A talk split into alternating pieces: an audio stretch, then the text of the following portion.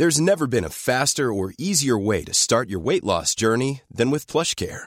PlushCare accepts most insurance plans and gives you online access to board-certified physicians who can prescribe FDA-approved weight loss medications like Wigovi and Zepbound for those who qualify. Take charge of your health and speak with a board-certified physician about a weight loss plan that's right for you.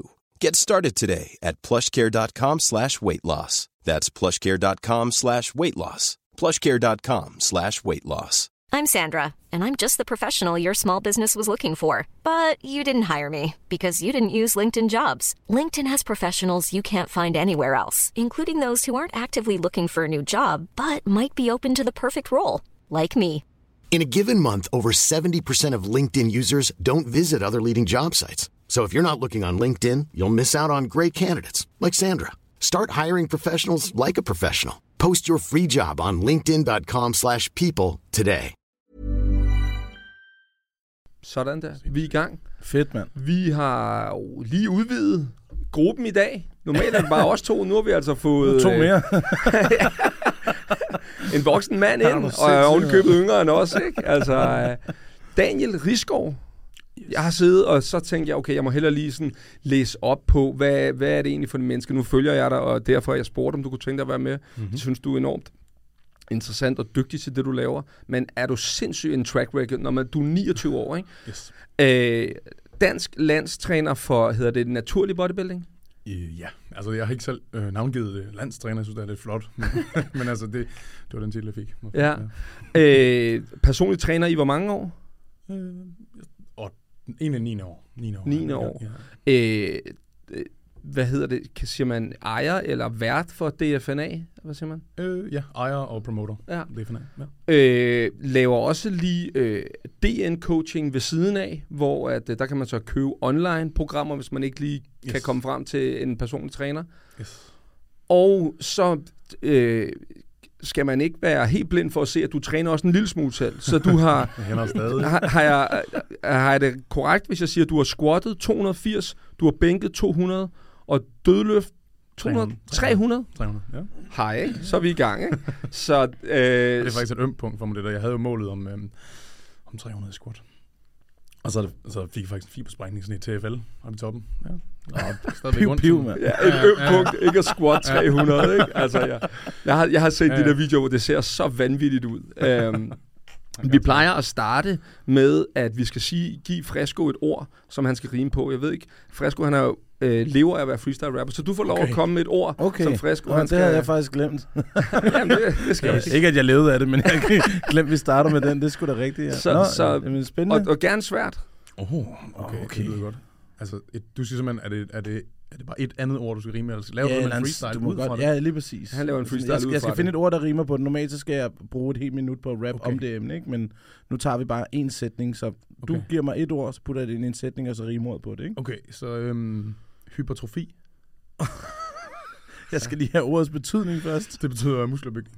Muskelopbygning, Ja. hypertrofi, Hypertrofi. hypertrofi. Øh, okay. Så er vi i gang, ikke? øh, øh, ja, okay. Øh, okay, hypertrofi. Ja, den er god. Det kan jeg godt Jeg lide. kan slet ikke få ordet. Ja, okay. Øh, øh, ja, okay. Øh, dem, der skyder sig med steroider, er den sygeste kopi af dem, der går op i den originale hypertrofi. Okay, Okay, så er vi i gang, ikke? Ja. Så, Alright. der var den. Ja. Sådan der. Jeg skulle lige finde et ord for, det, for noget Sådan. kontekst i den også. Fornemt. Men 29 år, og altså, hvordan, altså, hvad er det der egentlig, der har drevet dig ind i det her med træning? Altså, fordi du har jo, når man kigger på dig, synes jeg, i forhold til mange af de andre, mange af de andre, det lyder, okay. Når man kigger på dig i forhold til, til dig i hvert fald bare, så, så har du sat den, altså, virkelig bare gået op i at bygge muskler over de sidste 15 år. 15 år. Mm. Og hvor, hvor, kommer, altså, hvor kommer den passion fra til at, at altså, gå så hardcore ind i det?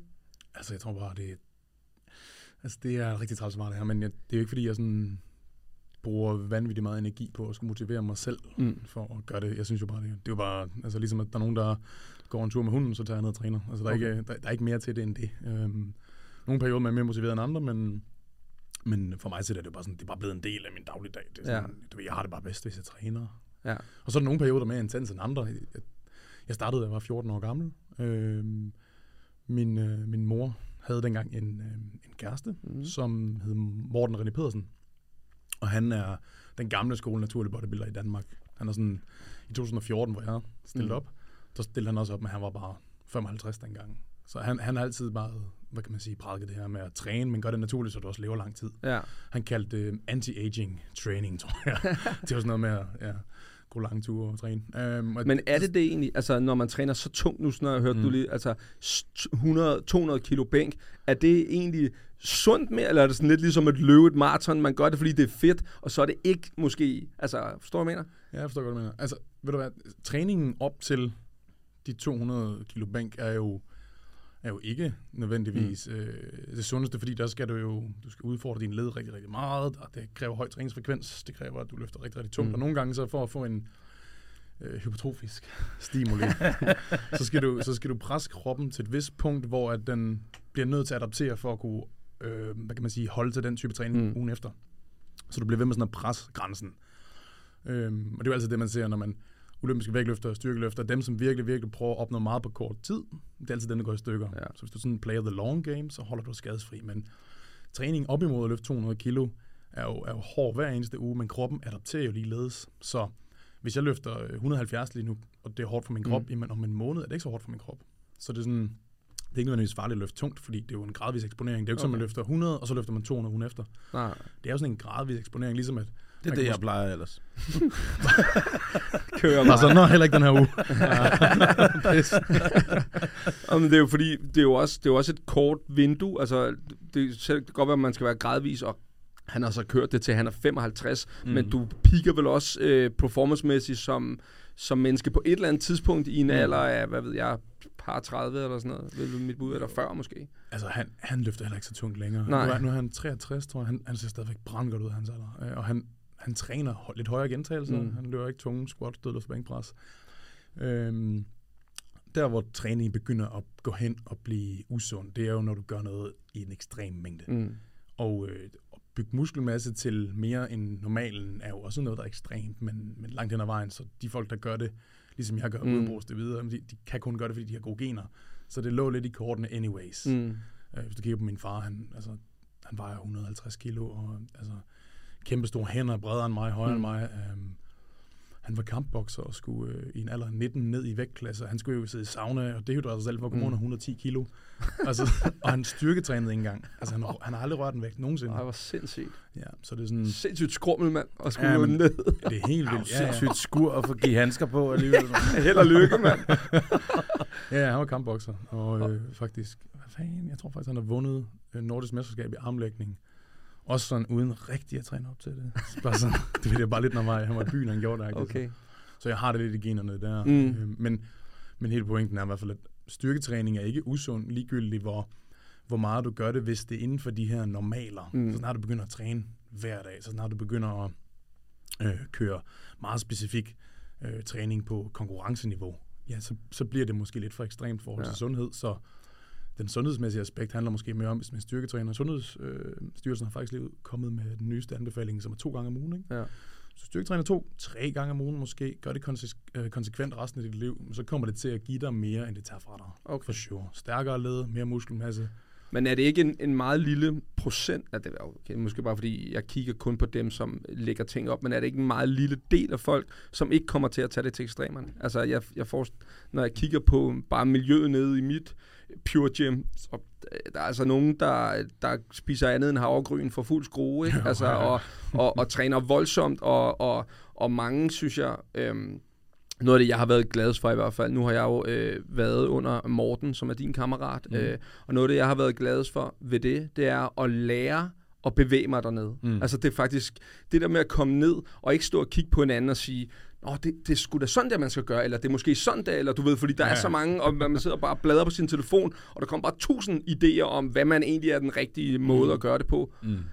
Altså, og især det der med, hvordan det, det, bliver, det bliver ti- hurtigt et miljø om, hvordan man kan gøre noget 1% bedre. Altså, hvis du strækker armen præcis på den der måde, så er det den ægte måde at træne øh, triceps på, eller sådan et eller andet. Forstår du, hvad jeg mener? Ja, ja. Altså, i stedet for bare basics, og så arbejde på derfra. Altså ja, jeg, jeg, langt hen ad vejen, så er det sådan, jeg, jeg synes, man skal ligesom cover the base, mm. som er, at man, som du siger, du, du har nogle, nogle bevægelser, nogle basisbevægelser. Mm. Du lærer noget presarbejde, noget træk, mm. noget, noget, der minder om squat, det kunne også være en benpres, noget hoftebøj, det kunne være en dødelig forhand. Øh, og, og, hvis du har ligesom styr på det, og du gør det et par gange om ugen, mm, så kan du lege med vinkler i kabeltårnen og alt det, du vil, mm. ud over det. Altså, det er fint. Så jeg er helt enig med dig, og, det, og problemet er nogle gange, at når folk først bliver bidt af noget, mm, så, så er der jo ikke nogen, der bliver motiveret, at du siger, hvis du nu bliver ved bare i den her pace, så er du god, også om 15 år.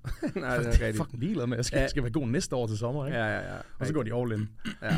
jeg tror, der er en, jeg tror, der er en, en, en tendens, hvor jeg ser, at øh, folk, som, som ikke tænker så langsigtet, det er måske altid dem, der kommer til at gå for meget all in. Ja. Og så er der også dem, der ender med at falde fra miste motivationen, starte op igen, starte for hårdt op, falde mm. fra igen.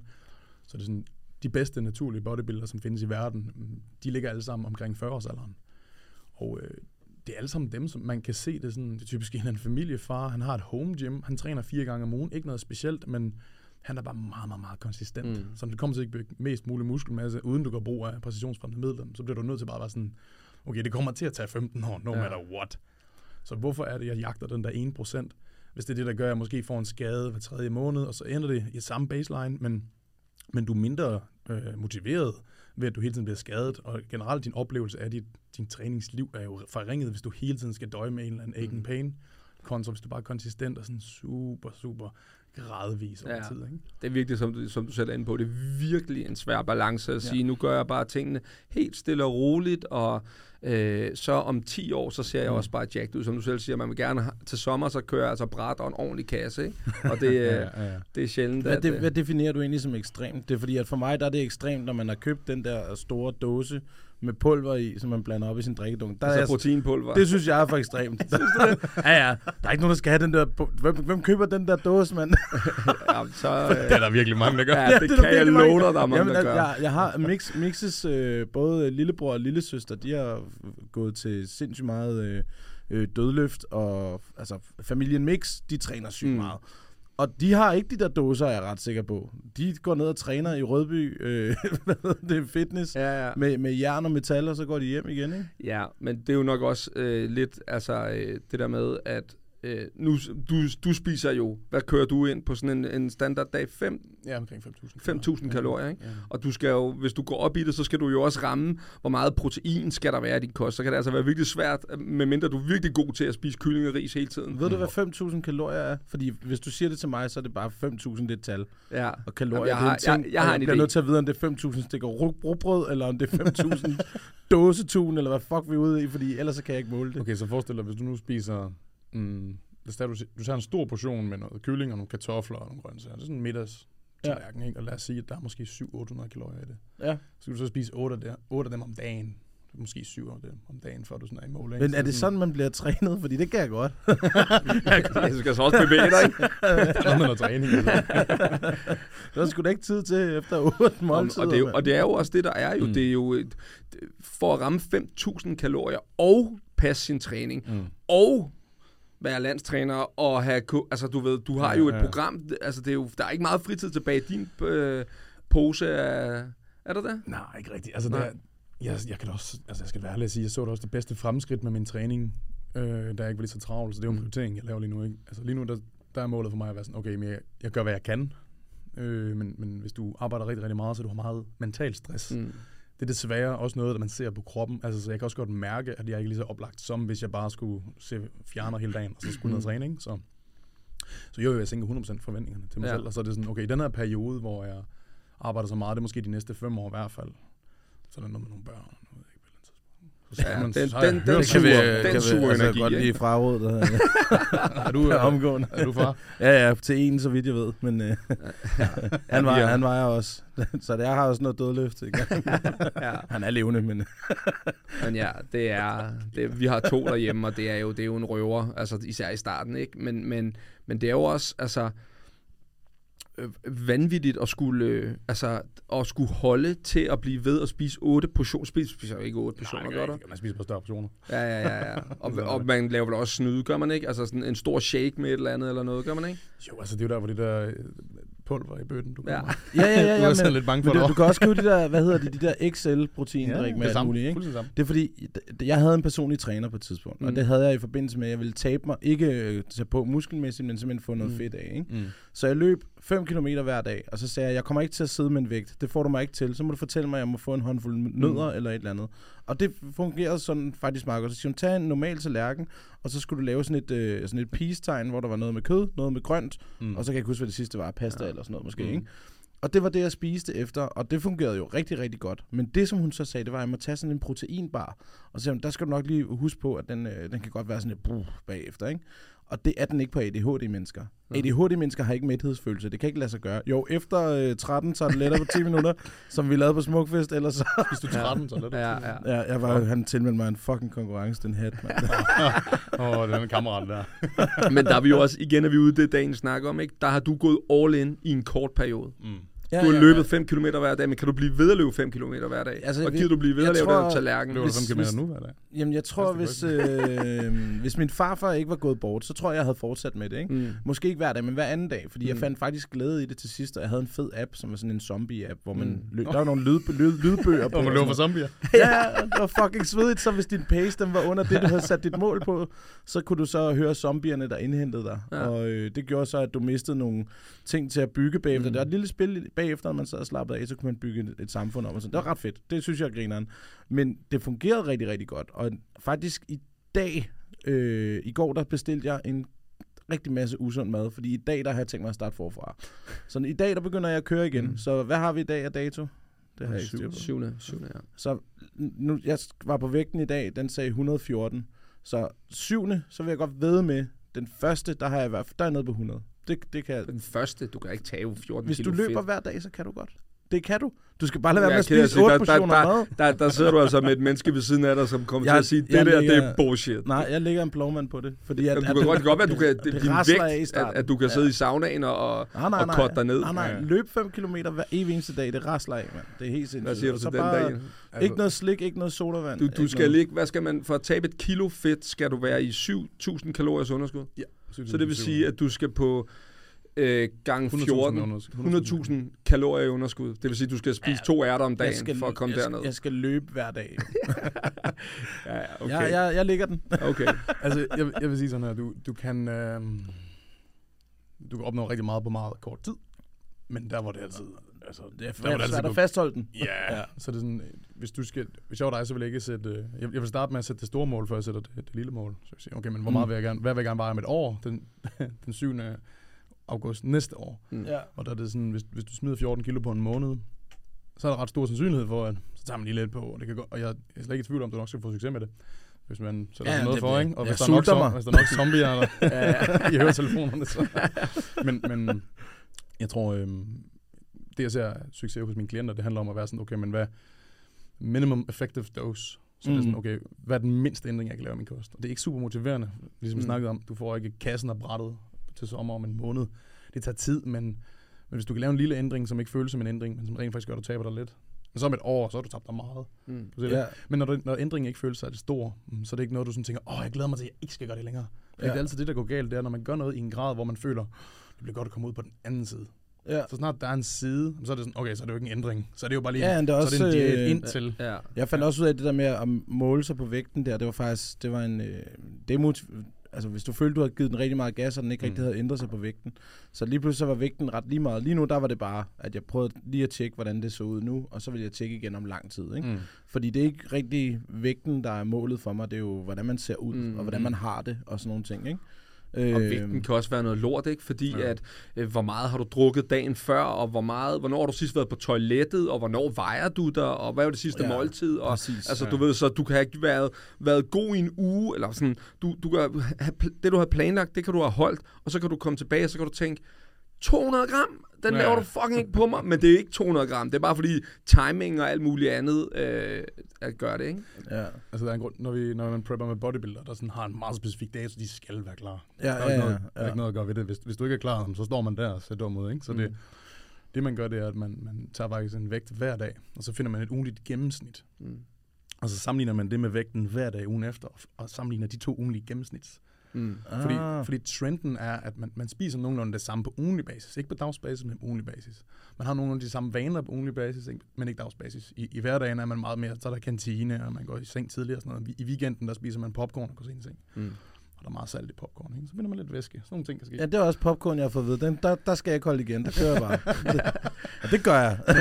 men det, men det, det, er jo det, så hvis du finder et ugenligt gennemsnit, så kan du sammenligne det, så det, det er mere præcis data. Ja. Typisk så ser du, okay, den er nedadgående. Men hvis du sammenligner mandag og mandag, så kan det ligne, fuck, det står helt stille.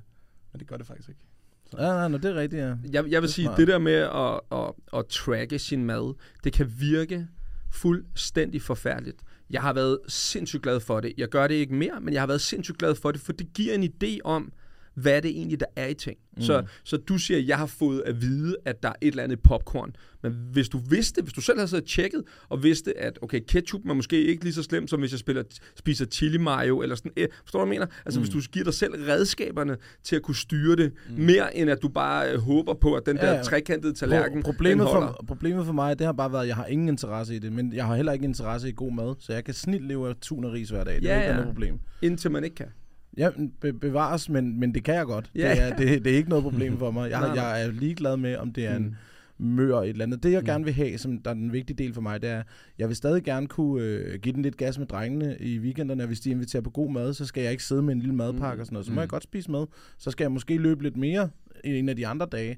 For eksempel, der sidst jeg var afsted og øh, gav den gas med at tabe mig rigtig, rigtig meget.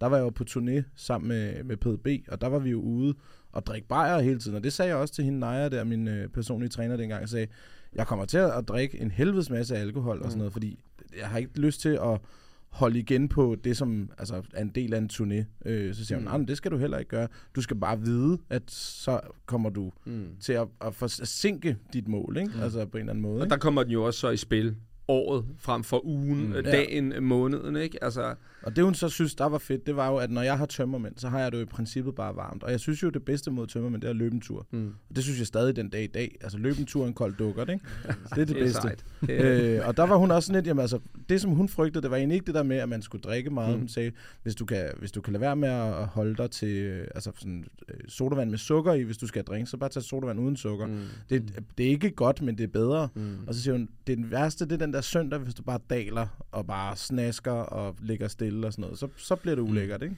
Jo, jo. Så, men øh, det gik jo fint dengang. Ja. Det, det, kan det godt gøre igen. Jeg, er jeg, jeg er faktisk rigtig motiveret for det. Mm. Mm. Okay, men så skal du også bare gå all in. Ja, ja, ja. gang med de sommer. Jeg smutter nu, mand. Ja, men, og det synes jeg egentlig også, det er også tricket, det er at, at, at, at have en plan A og sige, nu kører det mm. sindssygt, jeg løber hver dag. Ja. Hvad når motivationen så falder? Så mm. vil du være, så begynder at gå en tur i stedet for. Bare, mm. altså, ikke? Det har jeg i hvert fald haft sindssygt succes med, det der med, og i stedet for, at det er all or nothing hele tiden, mm. så sige, det er fint nok, at jeg bare øh, går hardcore ind lige nu, fordi nu er jeg topmotiveret. Om en måned, så skal jeg, for eksempel, nu jo har jeg lige kørt en måned, ikke, hvor at i den her måned har jeg to bryllupper, øh, to festivaler og to polterabner, ikke? Det er jo fuldstændig latterligt at tro, at jeg kommer til kun at spise ris og kylling og, og løbe hver eneste Ja, ja, dag. Men så prøver jeg i de dage, jeg kan, at bevæge mig. Og så er det bare det.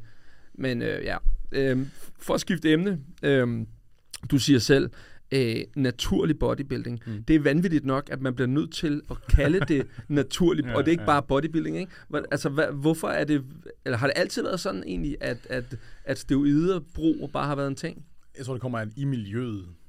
Altså i bodybuilding-miljøet, dem som har, har dyrket det rigtig, rigtig længe. Ja. Men der, der ved man godt, at hvis du går den retning, der hedder Mr. Olympia, Ja, ja. de helt store drenge der, ikke? Altså der, er det, der kommer man bare ikke Mm. mm. derop, hvis man ikke kan bruge det videre. Altså det er bare en ting. Det kan simpelthen ikke lade sig gøre.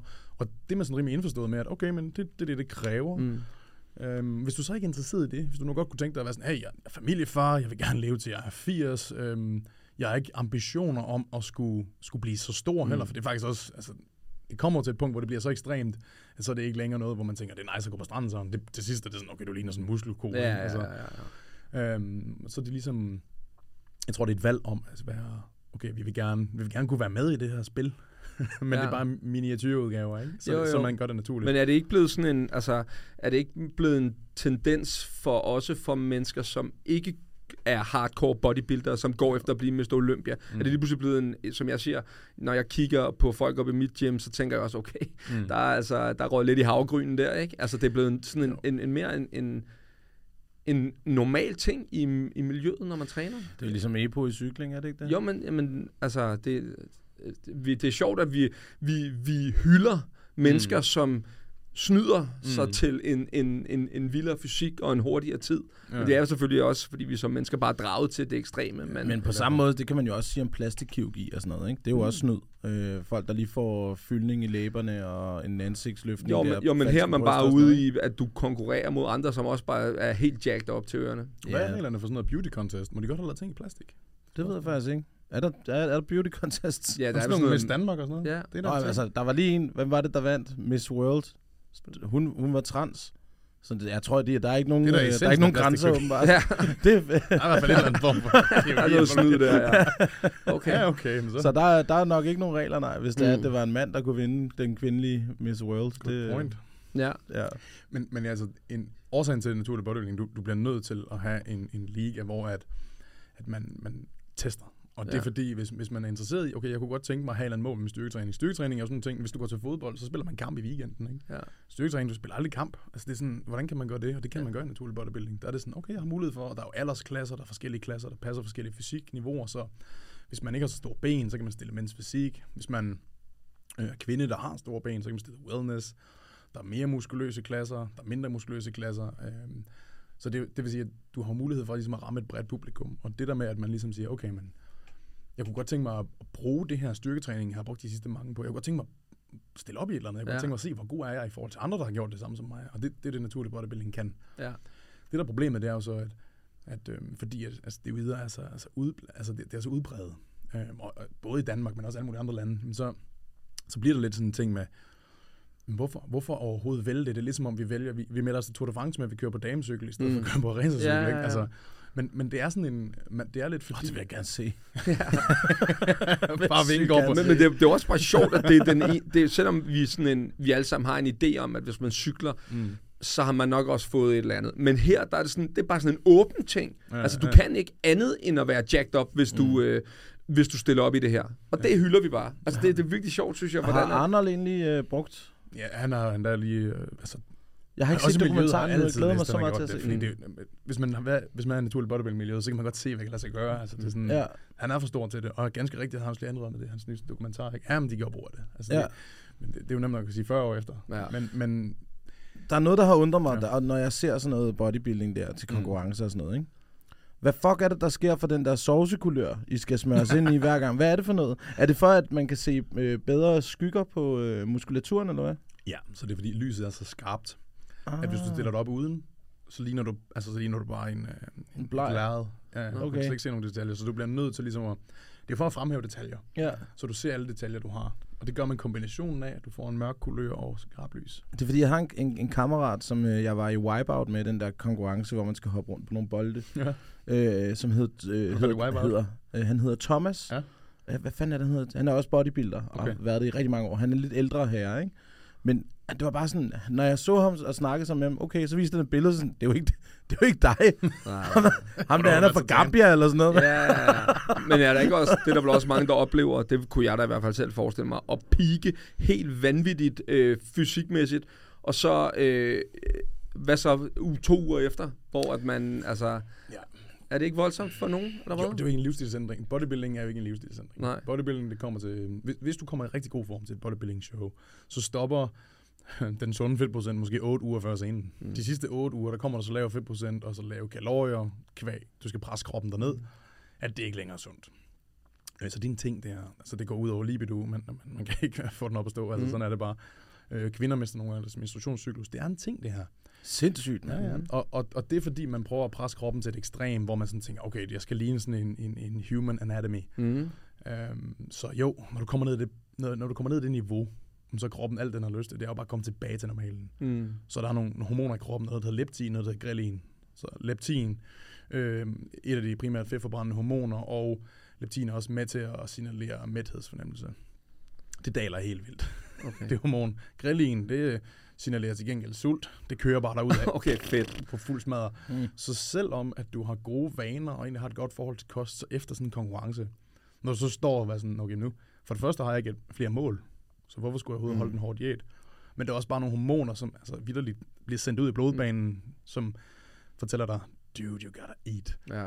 Ja, så selvom du spiser dig prop med, og din mave er helt fyldt, mm, så signalerer hormonerne stadigvæk, At hey, du skal have mere. der er mere. Ja, Det er simpelthen madliderlig. Fuldstændig, Det er ja. sindssygt nok, mand. Og det er, Ja. ja. det er jo, en, det er jo, men det er jo pisse smart, for det er jo kroppen, der sådan prøver at få, få mennesket til at overleve. Så hvis du i, i junglen ikke har fået mad i 14 dage, og du ser en bananglas, en hel bananglas, så er det ikke sådan, du spiser to, så jeg gemmer Hvad det kan, lidt til kalder du det leptin og grelin? Ja, grelin.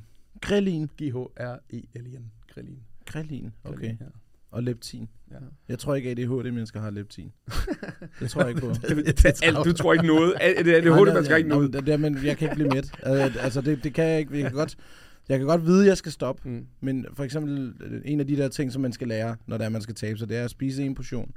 Og, øh, og, og så lad være med at spise mere. S- selvom du er sulten, lad være med det. Fordi ellers er det er i hvert fald mig. Jeg skal blive ved. Mm. Jeg drak øh, en liter vand, før jeg spiste et måltid. Og så spiste jeg min portion, og så drak jeg en liter vand mere. Og det fungerede meget godt for mæthedsfølelsen. Mm. Ikke? Men jeg tror ikke, jeg tror ikke, alle mennesker har den der lep, leptin Det i sig. ikke. Det, øh, Mm. den er fandme svær. Det kan da godt være. Men altså, nonetheless, så er det i hvert fald, øh, det er jo en ting, Mm. mm. hvor man kan sige, at naturlig bodybuilding er, eller bare bodybuilding generelt set, folk de kommer ned i 5%, der ikke er sund. Altså, så, så du ender med at tage meget på bagefter, men det er lidt en del af gamet, og det skal man være klar på. Man skal være klar på, at okay, men øh, strandform, det er typisk 10 kilo over sceneform. Mm. Så du skal være klar på, at du kommer til ikke kun at tage 10 kilo på, du kommer nok også til et punkt, hvor du ikke helt føler dig i strandform. Mm. Meget kort tid efter scenen. Ja. Men der skal du som træner være god til sådan at sige, hey, altså brief dine kunder om, prøv hvis du prøver at bibeholde det her, det kan ikke lade sig gøre. Nej. Altså det, når, du, når du ser den der pizza, og du har ikke noget, du har ikke nogen årsag til, hvorfor skulle du bibeholde den her fedtprocent? Ja. Altså det gør så nas at komme derned, og lige pludselig, så du har ikke nogen målsætning for at, at bibeholde det længere, vel? Så det, det sundeste er faktisk typisk at tage de der 10 kilo på med det samme. Ja. Ikke engang inden, altså inden for kort tid, for vi skal have hormonbalancen stabiliseret. Det handler ikke så meget om fedtprocenten, mm, det handler Mm, faktisk om at lige få ro på kroppen igen, ikke? Er det, øh, er det sådan en, en skrøne, eller er rigtig mange, som kommer ind i træningsmiljøet, øh, kommer ind med et, et, hvad kan man sige, et, et, et hårdt selvbillede, mm. og så træner man rigtig meget, du ved, det er jo, åh, oh, jeg vil gerne tabe mig, jeg vil gerne være jacked, så Mm. føler man sig bedre, og lige pludselig så Mm. arbejder man hen mod at blive så sindssygt sceneform, og altså det der at, at svinge så vanvittigt pendul, er det ikke sygt hårdt for mange mennesker, som, som er i det game der? Ah, Sure. Altså, jeg tror er helt sikkert, der, der er sikkert folk Mm. derude, og sikkert også flere, end jeg kender til. Altså, jeg, kan- jeg kan snakke for mit eget vedkommende, mm. og mange af mine klienter, der er det, man, man gør det mere for, fordi man godt kan lide at blive stærk, og man kan Mm. godt lide at løfte jern.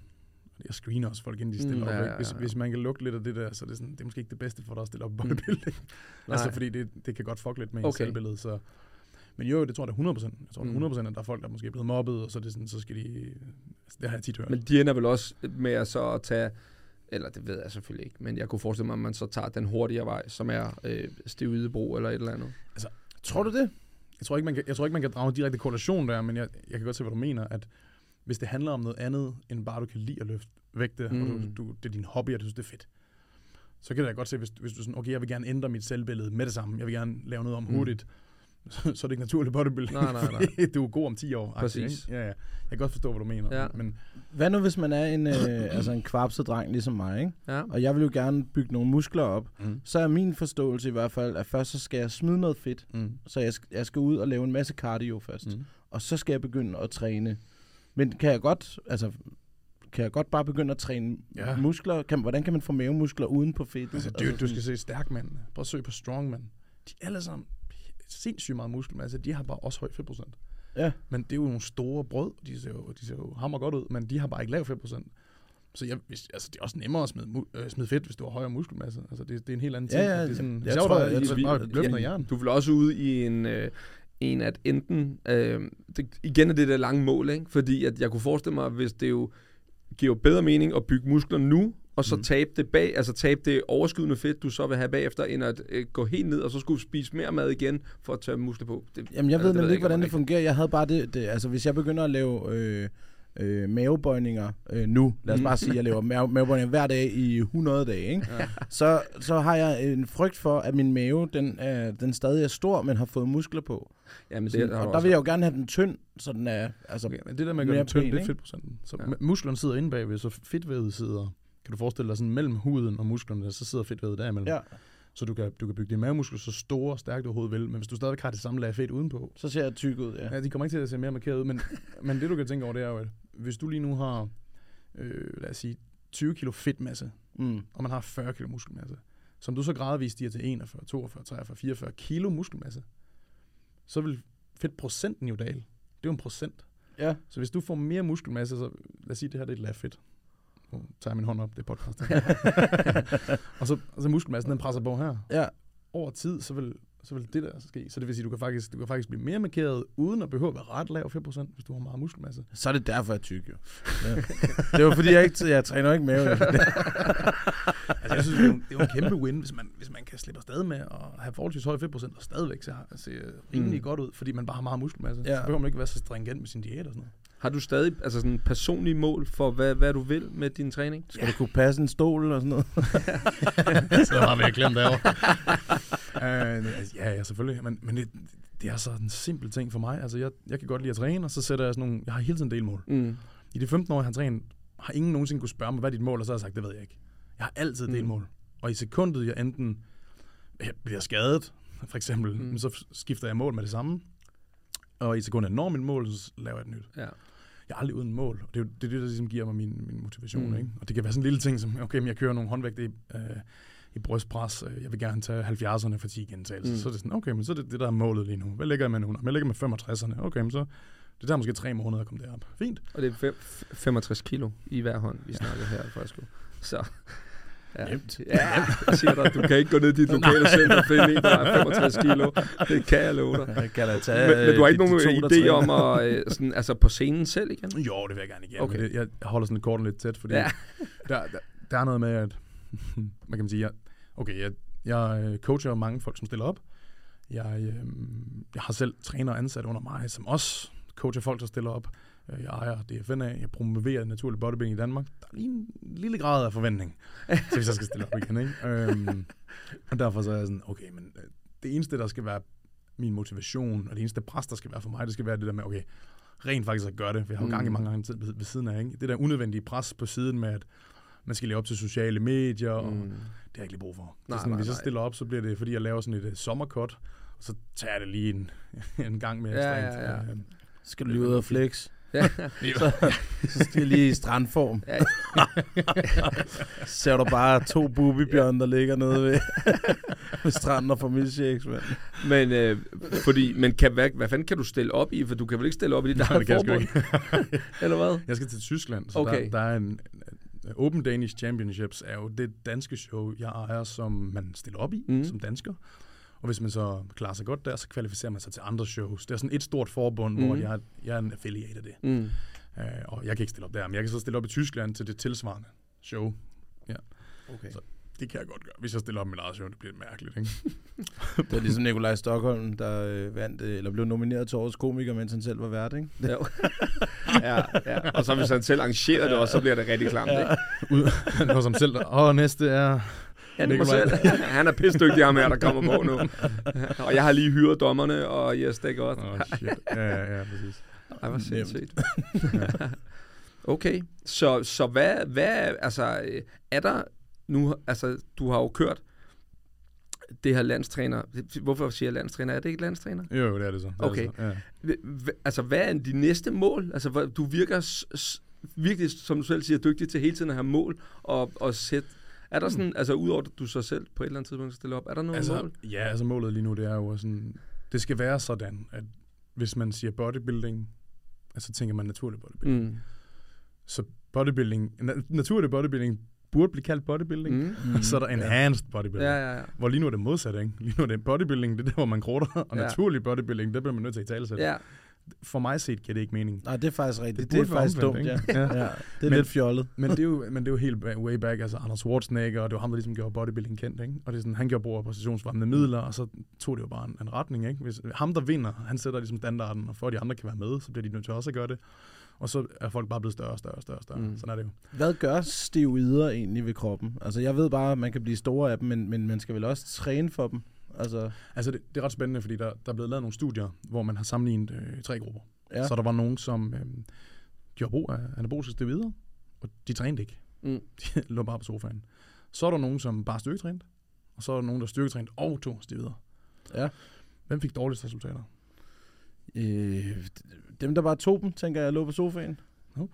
Nej, er Dem, der trænede naturligt fik dårlige resultater. Dem, der lå på sofaen, men tog krudt, havde faktisk en lille smule bedre resultater. Det er sindssygt. ja, det er sygt, mand. Så det er rimelig potent, det der. Ja, ja. Øhm, Vi gerne lige med det samme fraråde alle vores lyttere øh, til at ligge på sofaen og til stiv ud. Ja, præcis. Og jeg vil sige, det er et ældre studie, der er lavet. Mm. Der er ikke blevet lavet så mange studier på det, fordi det er sådan lidt uetisk. Og det er det, der er problemet. Det kunne være fedt, hvis man undersøgte det lidt mere, fordi hvis der er nu nogen, der kommer og siger, hey, jeg vil gerne stille op i Mester Olympia, mm, så kommer man til at sige til dem, okay, guess what, du kommer ikke til at gøre det naturligt. Så skal du den vej. Men så vil man da ønske, at der i det mindste var en eller anden form for guidance, der mm. er blevet lavet nogle, hvad siger man, nogle studier på det. Måske nogle læger kunne, kunne hjælpe dem eller et eller andet. Ikke? Altså, you do you, men gør det på en sikker måde. Mm. Øhm, men, men ja, så det det gør, altså nu er jeg heller ikke ekspert i det, men, men, men det det gør, det er, at du, du kan bare restituere bedre, så du kan lave mere. Hvad er det? Er det noget, man bygge mere. spiser, eller noget, man skyder, eller hvad er det? Jeg tror, du kan få det hele, altså, okay. hvor du skyder og spiser og alting. Ja. Men, At, men, er man ude i, at det er sådan noget, man øh, om min baggård med en, der kommer med en hætte nærmest og, og afleverer det til en, eller hvad, altså... altså jeg skal være lidt sige, jeg, Du kan trække det automaten. Nej, men det gør World. ned altså nu har jeg jo, jeg, jeg kommer originalt fra en lille by, der hedder Assens, men jeg flyttede så ret hurtigt til Randers, og der trænede jeg i et center, hvor jeg kunne se, der var mange, der gjorde brug af det. mm. Øh, så vi kunne forstå, så er der typisk en eller anden, der dealer det. Mm. Men altså, men ja. Ja, okay. Ja, for det, det, altså, jeg kan huske, jeg har hørt en eller anden bog, øh, nogle af de der rocker, øh, guldfuglen, eller hvad fuck det hedder, hvor man følger rocker. Og der er det jo en af de ting, som mm. De sælger, lidt ligesom de sælger kokain. Mm. Det er også anaboliske steroider, fordi ja. også tit mænd i det lag, du ved, gerne mm. vil se fuldstændig vanvittige ud, ikke? Um, Jamen, men, men det sjove er jo det der med, at man, man typisk associerer, hvad kan man sige, bodybuilding også med sådan lidt mere det hårde miljø, ikke? Mm. Men hvor at, altså jeg skulle næsten invitere jer med til, I har her med billetter til DFN næste år. Fordi det, I skal se, det er, at, at øh, det miljø, der er naturlig bodybuilding, det er slet ikke ligesom, altså det er i, det, i det enhanced bodybuilding. Det er sådan meget, af, altså meget, øh, hvad, kan, hvad kalder man, analytiske personer, er sådan meget nørdet med deres træning, og så, og så du ved, hver dag passer de deres træning, deres kost, og så deres familie, altså det er sådan, ja. det er typisk ikke de her øh, typer, man ser i naturlig bodybuilding. Nej. Øhm, og det er ret sjovt skæld, fordi normalt, når du er til bodybuilding-konkurrencer, jeg har, jo, jeg har været til bodybuilding-konkurrencer en million gange, og der er altid lidt sådan, lidt sådan en, mm, du ved, Ja. sådan en badass stemning, og i publikum kan der godt nogle gange være sådan, du ved, Men gør det ikke også det? det Altså, trykket? gør det ikke også noget ved ens... Jo, øh, jo, Jo, men men altså- aggressiv i hvert fald. Det Ja, er, det er i hvert fald, og, og lille pik, ikke? Er det ikke Ja. de to? jeg mener, at det, testosteron stiger, altså testosteronniveauet stiger, og det, der producerer testosteron, det er jo din, det er jo din klunker. Ja. Så det er dem, der, der skrumper, fordi nu er er, der ikke der længere brug, nu er der ikke længere brug for dem, agtigt. Nå, så ligner det, bare, at man har en større en. Ja, ja. Nå, men, men så får man så, altså, så ser det også mærkeligt ud, hvis der hænger to ærter, ikke, til sidst. Og man er det så voldsomt? Altså igen... Altså, jeg, jeg ved det faktisk ikke. Nej, nej, Jeg, nej. jeg ved sgu ikke. Men, Der må være foretaget et studie. men, men, det, Klunkestudiet. Jamen, det er meget sjovt, fordi så til, øhm, nu skal jeg sige, jeg har kun haft DFNA, altså Open Danish Championships, to år. Ja, det var helt for nyligt, jeg har Mm. overtaget det. Øhm, og øh, var så øh, heldig og fantastisk, at det, det blev jo det blev udsolgt øh, begge år med publikum. Øh, og der var både bedstemøder, og der var folk, som ikke anede noget om bodybuilding, men bare mødte op og var sådan, og det virker da meget interessant. Alene af den grund, at der blev testet, så de sådan tænkte, om det er da spændende at se, hvad kroppen kan naturligt. Øh, stemningen var helt anderledes i, i salen, og det var ret, rigtig spændende at opleve, at stemningen var anderledes i salen, selvom det stadig var en bodybuilding-konkurrence. Jeg tror det, er, fordi det ikke er det der hårde miljø. Fordi hvis du tager det videre og så videre, så er, der, så er der mange, som du selv siger, så er det måske de hårde miljøer, man også dealer det og så videre, og så, så er det måske også den type, der kommer til bodybuilding-konkurrencer. Mm. Øh, så det, jeg prøver ligesom også at gøre bodybuilding mainstream Mm. mm. hjemme, ikke? Og hvordan kan man gøre det mainstream? Jamen det er jo også ved at se dem, der som står på scenen. Et, de er testet. To, det er rent faktisk kroppe, hvor man tænker, okay, men det er achievable, det der. Fordi heavy bodybuilding, det vejer altså kun 80 kilo på scenen. Ja. De vejer 120 kilo i det andet, ikke? Ja. Altså, Ja, det, ja, ja. det, det, det er helt andet. Ja. Og det tror jeg er sundt for folk at se. Øh, fordi de er sådan, okay, det kan lade sig gøre. Der, var- der var mange folk til øh, Open Danish Championship i år, som altså var sådan i 50'erne i publikum, hvor man kunne se, når masterklassen så kom på, så var de sådan, så satte de sig op i stolen, ikke? Og sådan, okay, ham der er der på min alder. Ja, ja. du ved, og, og, så står der sådan en gut på 55, som, som faktisk er i en, i en rigtig, rigtig hederlig form, ikke? Ja. Og det, det kan er måske også inspirere lidt til at være Er det, okay. er det på samme måde, altså er det i Danmark, vi er langt fremme med det, eller er det også sådan, altså det er den generelle tendens i udlandet, at naturlig bodybuilding er på vej frem? Mm, jeg, altså generelt set er det på vej frem, men i Okay. Danmark er det virkelig. Okay. Altså, Jamen, er det ikke bare nordiske lande generelt, som har fart nej, på med i det? Sverige eksisterer det ikke, og i Norge er det helt nyt. Altså, det er sgu Danmark. Vi er Kæft, virkelig, jeg tror, at der er nogle solide nordmænd deroppe. Ja. Men altså, vi var, i, Danmark er vi, i Danmark er vi gode. Vi var jo til VM. Øh, dem, som vinder mit show, de kvalificerer, altså vinderne, øh, kun de kvalificerer sig til VM. Vi trak jo 10 guldmedaljer til VM. i Danmark. Okay, sindssygt, mand. Altså lige for nylig, hvor vi havde 15 personer kvalificeret, så vi har 10 guldmedaljer. Vi Det er kommer altså hissigt. lille bitte nation, så Ja. ja. vi, vi, vi var den mest vindende nation til verdensmesterskabet i naturlig bodybuilding. Det er ret meget, fordi altså, mener, vi er jo ikke særlig mange mennesker. Nej, nej, nej. Men hvad er det, det går ud på? Hvor- Hvordan vinder man? Fordi jeg, jeg, som jeg kan forstå det, så man stiller sig op på en scene, Mm. så har man nogle positurer, Mm? Som man- man, poseringer. ja. ja poseringer, hvor man, hvor man, øh, man spænder en vis del af, af kroppen, Ja. og, øh, og så skal man smile helt overdrevet, har jeg set. Jamen, det er virkelig meget smil, der er på. Man kan bare se, de har det ikke godt. ja, jeg har set rigtig meget. To måneder med riskiks og kylling, ikke? Man er bare, kom ud, så jeg får den sneakers, mand. Men hvad, så, så øh, er der et dommerpanel, der vurderer, hvem der har flottest muskulatur, eller mest øh, kontrol over... Du, øh, ja, altså for det første, så, så er der nogle dommere, som selvfølgelig har taget nogle dommerkurser, og som ved noget inden for det her. Og mange Mm. af dommerne har gjort det i 30 år, ikke? Og øhm, du bliver vurderet på øh, symmetri. Så det handler om, hænger overkroppen sammen med underkroppen, højre og venstre osv. Nå, ja, ja. Så er der muskularitet. Hvor muskuløs er du? Inden for den givende klasse, der er nogle, ligesom nogle krav inden for klasserne. Og så er det fedtprocent. Og så er der faktisk også et, et niveau, der hedder præsentation. Der er nogle poseringsrutiner og sådan. Hvordan måler de fedtprocent? Øh, altså, det det, er nej, det er bare visuelt. Man kan simpelthen... Okay, fordi jeg tænker, Jamen, så kommer der sådan en lille apparat frem, sidder man i en stol, og alle sidder og hæpper det. Det kunne være klasse. et stort tal på skærmen. Ja. Wow! 4,8. Woo, woo, woo.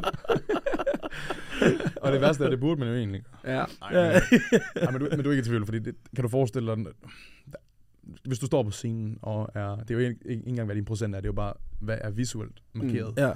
Ja, så det, du, du er ikke i tvivl. Ham der, han er helt bløde ben, ham der, hans ben ligner, de lavet af granit. Alright. Mm. ja. Det vinder han noget på, ikke? Ja, ja, ja, ja. Ja, så det er så simpelt. Og så, altså, så man har en lille tanketrus på, for at vise både lov og, og balle, ikke? Ja. Altså, Mm. ja, ja, ja. Men der er forskellige klasser. Der er noget, der hedder classic fysik. Det er blevet kæmpestort derhjemme. Det er lidt mere sådan en boxershort.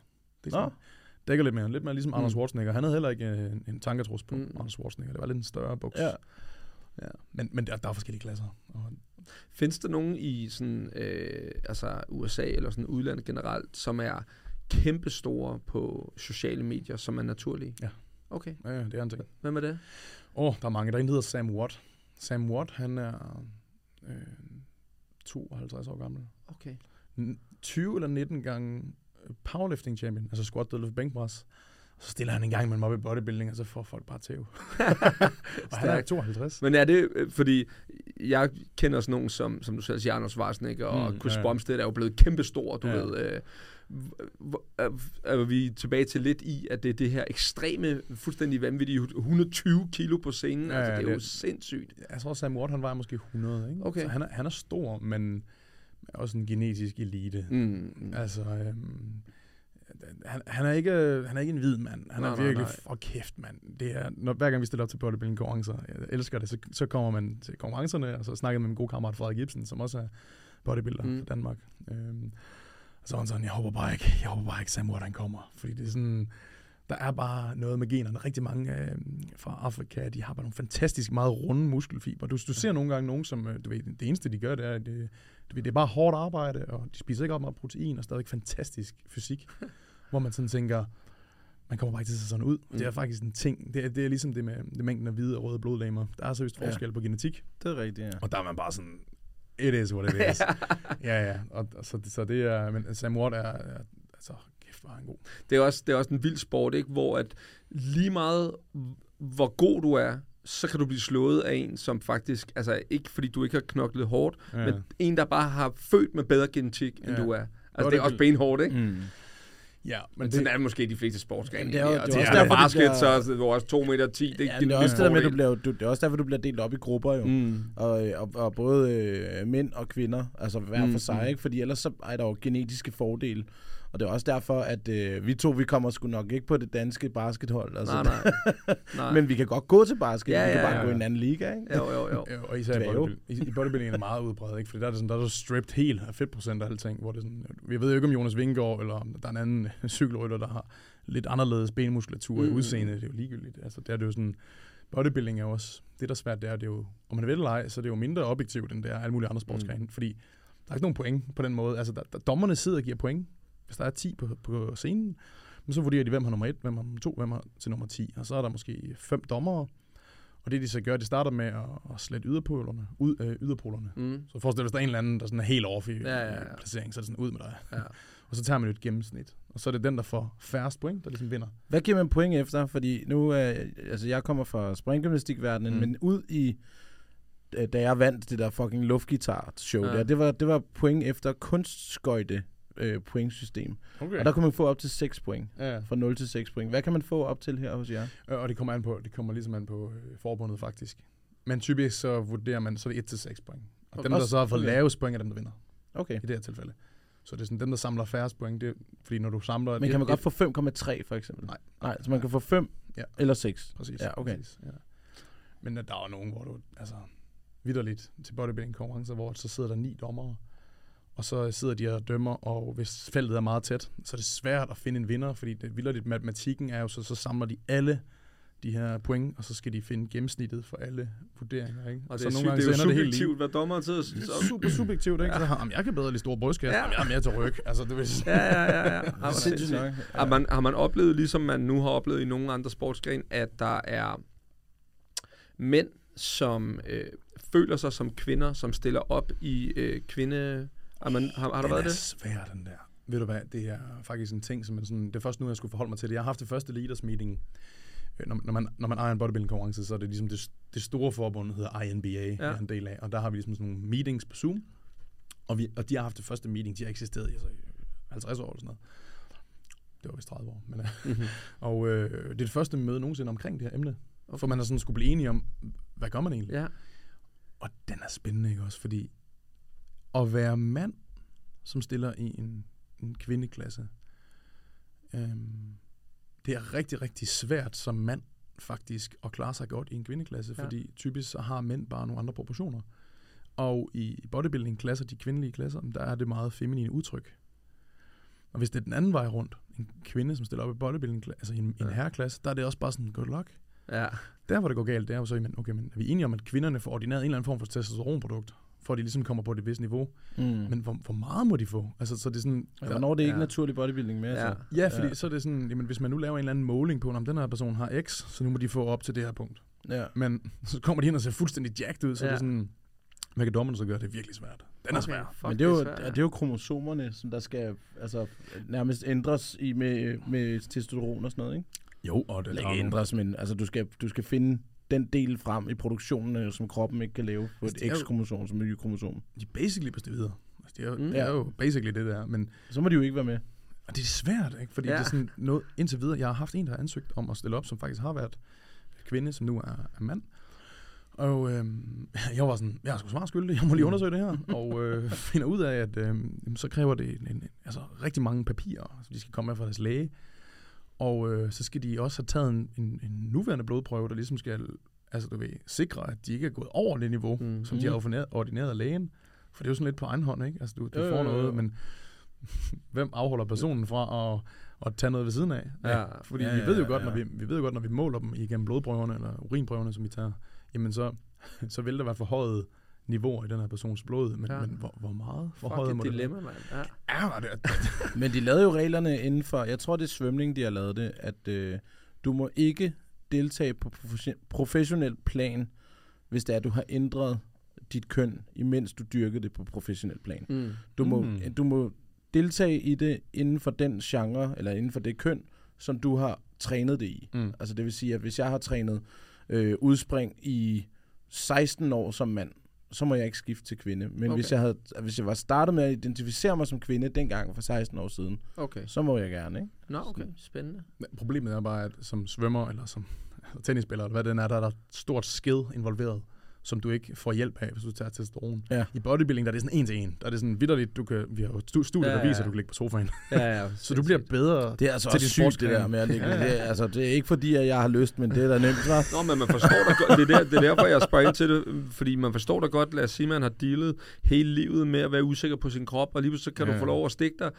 og så ændrer det. Men hvad, Nå, ja, hvad, hvad, plejer man egentlig at gøre det i låret? Er det ikke, at jeg har hørt det låret, det altid er i? Jeg tror faktisk, det var derfor, man fik lille ikke.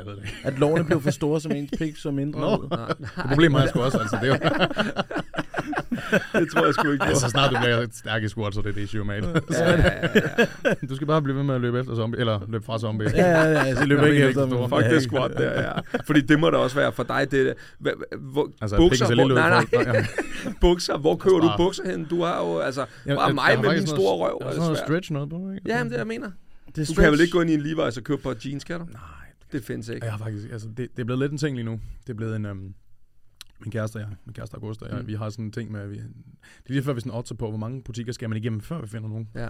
Vi har virkelig været mange Det er butikker. Men, men har, har du ikke overvejet at lave, altså sådan, jeg tænker, hvis jeg skulle business-wise lige investere nogle penge lige nu, ikke? så lagde jeg en tøjbutik lige ved siden af et fitnesscenter, som kun solgte ærmer i Ja, XL. men altså, problemet er, at det, det der tøj, du får, er jo så er det sådan noget... Øh, altså, jeg kan da huske, hvad hedder de der gasp, eller de der sådan Ja. ja. helt hardcore bodybuilder-bukser der.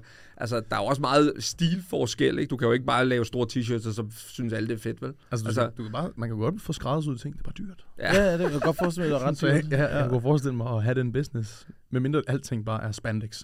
ja. Jeg tror, det bliver nogle dyre produkter, Du du skal sælge. en hissig superhelt, altså. Det. Mr. Incredible, der kommer Ja. ja. væltende ud af H&M, mand. Ja, ja. En spandex-dragt. Men ja. Men det, altså, det, det, som jeg synes, der er spændende ved sådan noget med bodybuilding der, det er, at, at, øhm, at I har jo I har det her mål med at komme op og stille jer på et podie. Mm. Og så, når I er færdige derfra, så træner I vel bare til næste podie igen, ikke? Ja, eller bare, det kan også være, at man bare stiller op og finder ud af, okay, men øh, det var jeg god til det her, så vil jeg gerne igen. Det kan være, man finder ud af, det, var jeg ikke så god til det her. Det fik ikke så gode point, men så træner jeg bare en anden årsag. Har I, har I fuld kontrol over nær, nærmest hver enkelt muskel i kroppen? Altså sådan, du ved, hvordan du skal spænde noget på ryggen, og Det skal man have. Ja, det skal man have. det, skal- det, er, det, er det ikke svært at rigtigt. træne? Det er jo ligesom alt muligt andet. For eksempel vingen, den vinge, der, der sidder, øh, altså øh, skulderbladet, Ja, ja. Den har jeg sendt, jeg kan, jeg kan ikke finde den nogen sted. Det er ligesom at vrikke med ørerne, mand. It's gone. Ja, ja, men prøv at, jeg har været gymnast og fået at vide, at den var rigtig flot, og den er stor og sådan noget, Ja. fordi man er som gymnast sådan rimelig, altså forholdsvis trænet, ikke? Ja. Og men jeg havde fået at vide, at jeg havde en stor en, sådan, prøv lige at spænde i den. Sådan, det var sådan, du kan lige så godt bede mig om at vrikke med ørerne, mand. Jeg kan ikke. Aner ikke, hvordan man gør, mand. Aner ikke, hvor den sidder henne. Men det er jo også igen, at vi er ude i, Ja. at det er vel også en ting, som man som coach er inde og, og hjælpe med at lære, og okay, du skal herom, og Ja. rulle skulderbladet der, og tryk der, og du siger bare... et Ser godt ud? Kasper. Ja, tak. Også. Og hvor smed, ikke? Ja, ja. Og du ruller rundt derovre, mand. Nå, fedt.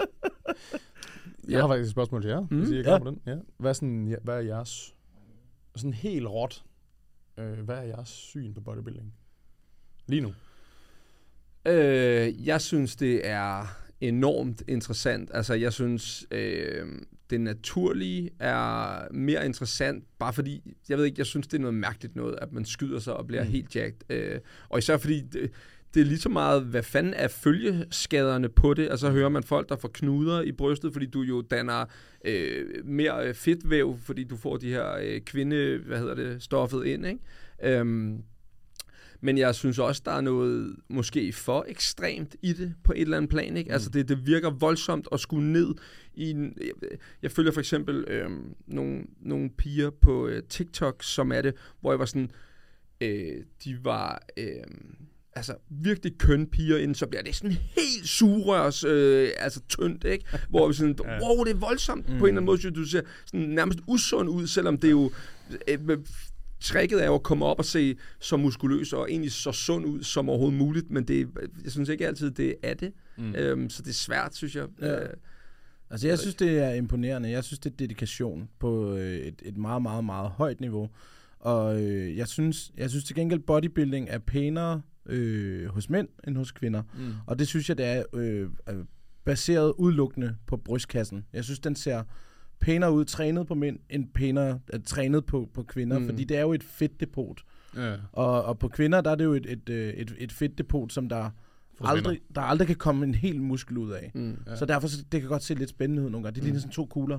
Ja, ja, det, Øh, især hvis det har fået lavet bryster. Ikke? Ja, ja, ja, ja, lige præcis. Ja, så ligner det bare sådan to kopper. Men det er jo også mange, der gør, er der ikke? Er mange for kvindelige bodybuilding, der får lavet? Jeg tror, det er, Er det ikke, øh, øh, træner er- siger, jo, så, så mister du lidt brystvæv. Desto flere gange du har været i et vægttab, så Mm. mm. forsvinder Er det snyd egentlig? Altså, er det, er, er det semi-enhanced? Jeg forstår, hvad jeg mener. Jeg tror- Altså, for, hvad hvis jeg får lavet min røv? Jamen, det, det, jamen, det, fremmer ikke, det fremmer ikke dine muskler. Nej, Nej, nej, men det giver alligevel et eller andet udseende, som er anderledes end de andre. Ja, altså men lidt det- ligesom, men hvis det, jeg øh, fik... Øh, Men du igen- kan, ikke, du, kan ikke, du kan ikke kontrollere det. Du kan ikke kontrollere en, en, et implantat mm. på samme måde. Så du kan ikke, du kan ikke, Jeg vil ikke flex det. Nå, du kan nej, ikke flexe okay, det, nej. true, Nej, true. Det, det ligger bare derinde som en, en, en, et lille kvar, ikke? Jo, jo, men igen er vi ude i en, det er en subjektiv holdning, og Ja, hvis der ja. så sidder... Øh, Og jeg bliver nødt til at sige, at de gør noget for udseendet, fordi nogen får der ligesom en symmetri. Man, man, man plejer at gå efter den her V-form, mm. ikke? Så hvis de sådan har nogle, nogle baller, så kommer der en smal talje, så skal det ganske gå sådan lidt op i et V derfra, ikke? Ja. Så, så kan det godt hjælpe lidt, hvis de for eksempel har øh, hvis de får lavet bryster, men der også er en, en, en bikini, der sådan får det Mm. til lidt større ud. Det, visuelt gør det noget. Mm.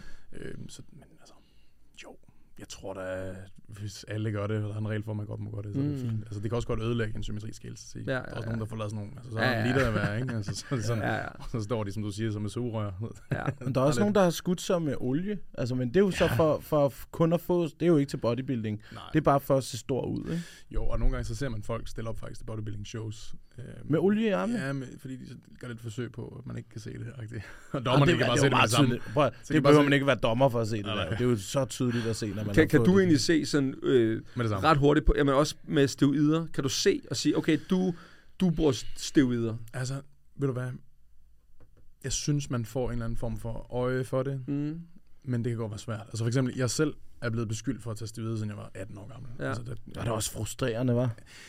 Det er da kæmpe kompliment. Altså, Jamen, det er det da. Jamen, men- og, det- og det vilder lidt den der, jeg står imellem. Ja. Altså sådan, ved du de første fem år var jeg sådan, fuck, det er frustrerende. Ja. Fordi man føler sådan lidt, at, at folk ikke sådan rigtig anerkendte en, og måske mm. betvivlede de, at man selv kunne gøre det, eller eller andet. Men, men så over tid, så var jeg sådan, jeg prøvede at bekæmpe det, det kunne man ikke. Og desto stærkere og større man blev, desto værre blev det, så er jeg sådan, okay, lad os, lad os tage det som noget ros. Mm. Altså, Ej, det, det men synes tog jeg næsten det er fordi, jeg forbinder steroider med, altså på, på lige fod med, med andre form for snydekoder. Jeg bliver Ja. fucking irriteret på Roskilde Festival, når folk tror, at jeg er på kokain. Ja, bare ja. fordi jeg godt kan lide at være vågen og holde en fest og, Ja, ja. og give den gas, ikke? Ja, ja, ja. Fucking irriterende. Men, men, øh, hvis, Nå, men her er det jo en, det er jo på en eller anden måde en kado for, at Ja. du er så ja, stor, du har opnået sådan at, noget. at man tror, næsten at du har uvirkeligt. snydt. Ja, ja, Altså, ja, ikke? Ja. Jo, jo, og, Altså- det, og det, er, det er der mange, som, altså der er rigtig, rigtig mange, som, som oplever det her faktisk, det bedre man bliver naturligt. Men det er fordi, det er sådan, altså jeg, ærligt snak, så tror jeg, det, jeg har også været heldig med mine forældre. Jeg har valgt mine forældre godt, ikke? Men, men det er jo sådan, det er. Men, men over tid, så er Jeg sådan, har valgt min forældre.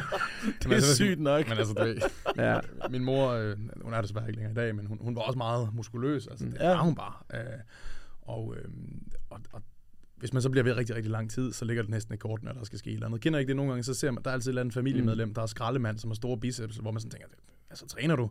Nej, nej, jeg løfter bare lidt. Altså nogle gange, Ja, så er det bare sådan nogle genetiske Ja. vidunder. Ja, Det det. jeg, jeg, jeg så, øh, jeg tror bare, jeg så en video eller et eller andet, som sagde noget med, at det var blodåren ja. I skulderen, der var sådan det store telling point, hvis man tog steroider, for det vil man ikke få naturligt. Ja, altså, What? Ja, men det, jeg tror, ved du hvad, jeg, igen, så er det en eller anden Sindssygt. TikTok, jeg har set, ikke? Så det ja, kan ja, også... Jeg skal være ærlig sige, at jeg, jeg, der, er, noget, der hedder androgene receptorer, mm. og det er traps og skuldre. Hvis du sådan på meget kort tid udvikler meget store traps og skuldre, øhm, uden det andet følger med, det kan godt nogle gange være sådan, okay, den der person, det, det er mm. lidt underligt, hvorfor det vokser så hurtigt.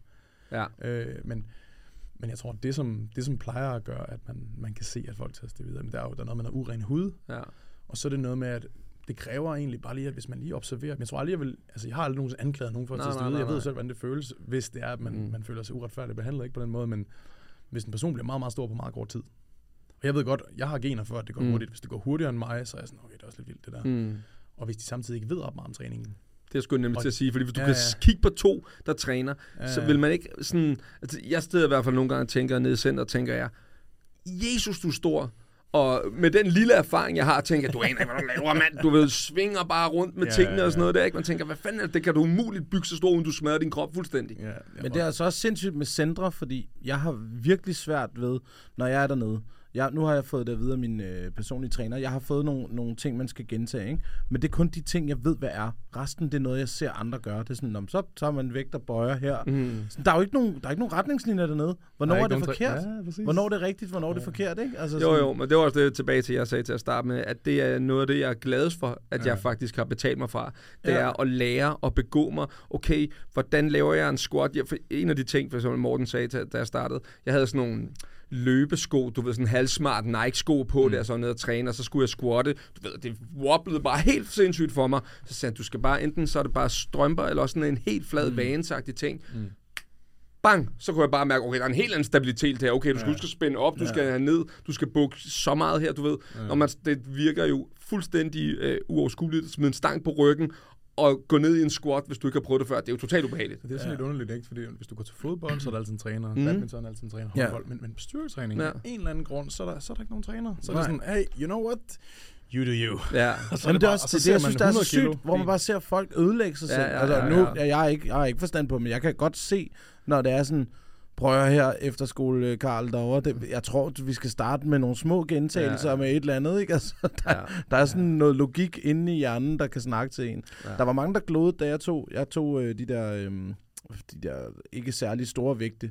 Og så lavede jeg øh, syretræning, fordi det har jeg gjort altid til springgymnastik, hvor man tager armene ud, og så skal du køre sådan her med dem i, øh, i fem minutter. Mm, nu har jeg lige vist det sådan øh, en, en, en helt fugleving, ikke? Ja. Og så jo flere vægte jeg tog på, og jo længere jeg kunne holde til det, jo bedre fik jeg styrket øh, selve skuldermuskulaturen, ja. som jeg skal bruge, når jeg stemmer. Og det er et, øh, en håndstandsøvelse, hvor du ikke må sætte af, hvor du skal via din egen muskulatur fordele den vægtmæssigt, så du kan gå op på hænder og stå der og gå ned i... Ja, jeg kan godt forestille mig, at folk har kigget sådan der, ikke? Ja. ja, der kiggede folk nemlig sygt meget.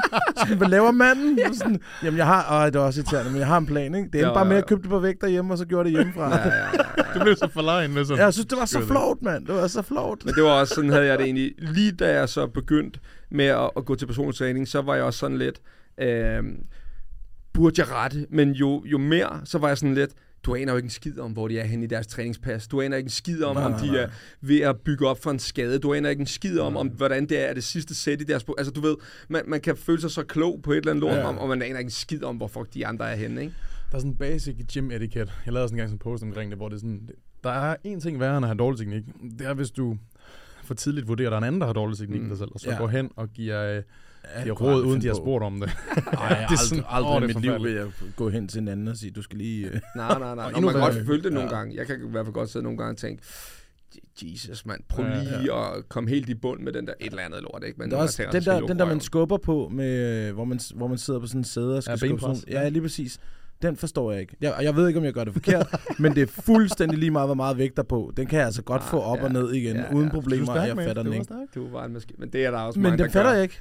Og så, så har, I, har I set dem der, der løber rundt, og så når de er færdige med at træne, så sætter de den lige ned ja, på, ja, klassisk. når der er nogen, der skal overtage den. Mm, det er jo et Hvad fuck game. får du ud af det, mand? Ja, det, det er... Han går derfra med, med stolt bryst. Mm. Ja, ja, lige præcis. Og jeg er fucking vild 20 kilo, mand. Eller 120, mener jeg. Fedt, man.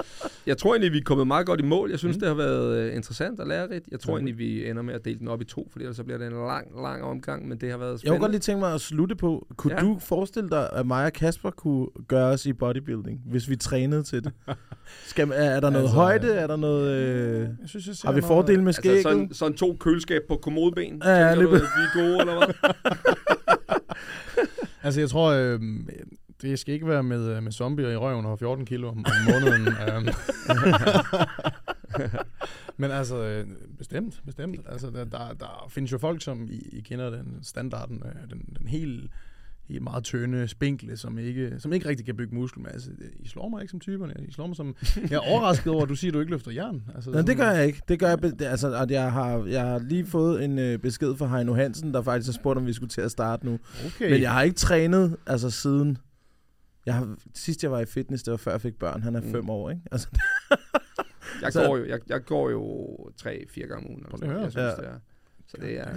Ja, jeg, du også komme op og hænge herover. Men jeg kan, jeg kan godt se det varme derovre. altså, er, det, er det siden, du har kørt med Morten, så har du bare holdt den kørende efterfølgende, eller hvad? Ja, men jeg synes faktisk, det for mig er det et blevet et enormt frirum med to små børn. Mm. Det, er, det er det lækreste i hele verden. Det er bare øre, øh, nogle små høretelefoner i, mm. og så er bare mig selv. Jeg hører, jeg hører fucking de samme otte numre alligevel, fordi jeg skal bare, det kører bare, jeg skal bare have ro i hovedet til at gå og tænke alt det tanker, jeg normalt ikke har tid Men til. Men kan du finde ud af det? Fordi jeg, altså, når, hvis, hvis jeg går derned, mm. så synes jeg, at mit problem der altid været sådan noget, sådan, Nå, så, øh, så skal jeg gøre det her tre gange, løfte den her noget. 10 gentagelser gange tre og sådan noget. Bare sådan, jeg forstår det ikke. Jeg, jeg, jeg, jeg, jeg fik det, og jeg har tracket siden. Jeg tracker, hvor meget løfter jeg den her gang, hvor meget løfter jeg næste gang, hvor meget Ja. ja. skal jeg så løfte, løfte gangen efter? Så igen, tilbage til at... Altså, det er lidt ligesom... Jeg vil gerne have der, hvor jeg kan løfte én gang, og så er det fedt. Og sådan, ja, altså som i, du det skid var hårdt, men det var fedt. Du skal, være, du skal være stærk, mand. Det er det, jeg Ja, siger. ja. Det kan godt være, at det skal Du være... skal en- melde ind til slip den, stærkmandsklub. og så skal du slip den løfte en fiskestang. sten. Altså. ja, løfte nogle sten, ja. Det vil jeg sygt gerne, vælte nogle dæk og sådan noget. Ja, det kunne du være god til, tror jeg. Om du har også det der grove, det store skæg og sådan Ja, noget. Du er ja, sådan en ja. mandemand der. Men Ja. jeg kan Ja, huske... og han er, han, det undrer en, hvis man sådan sagde, Nå, men hvordan er træneren? Jamen, jeg er jo løbetypen. ja. Springgymnast og løbetypen, den har du ikke kaldt inden. Du havde ikke det. Spring, springgymnast i altså plus 20 år, ikke? Altså øh, virkelig, men så, altså, så, så kommer man over på den anden side af 30, og så sætter tingene sig bare lidt anderledes. Og hvis man så ikke holder træning ved lige, det var jo altså, to til tre gange om ugen, plus ja. opvisninger, ikke? Hvis man ikke holder det ved lige, men stadig mm. fester og spiser donuts og hotdogs, ikke? så sker der altså noget med kroppen. Jamen super. Vi vil bare sige pisse fedt, du vil Ja, være med, Daniel. det var hyggeligt. Og hvis jeg, man, lige, jeg bliver øh, nødt til at smutte, jeg skal ud og træne.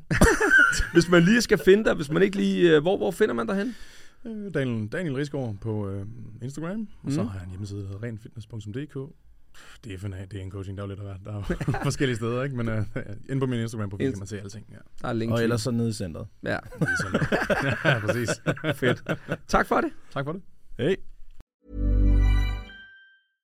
Imagine the softest sheets you've ever felt. Now imagine them getting even softer over time. That's what you'll feel with Bowl and Branch's organic cotton sheets. In a recent customer survey, 96% replied that Bowl and Branch sheets get softer with every wash. Start getting your best night's sleep in these sheets that get softer and softer for years to come. Try their sheets with a 30-night guarantee. Plus, get 15% off your first order at bowlandbranch.com. Code BUTTERY. Exclusions apply. See site for details.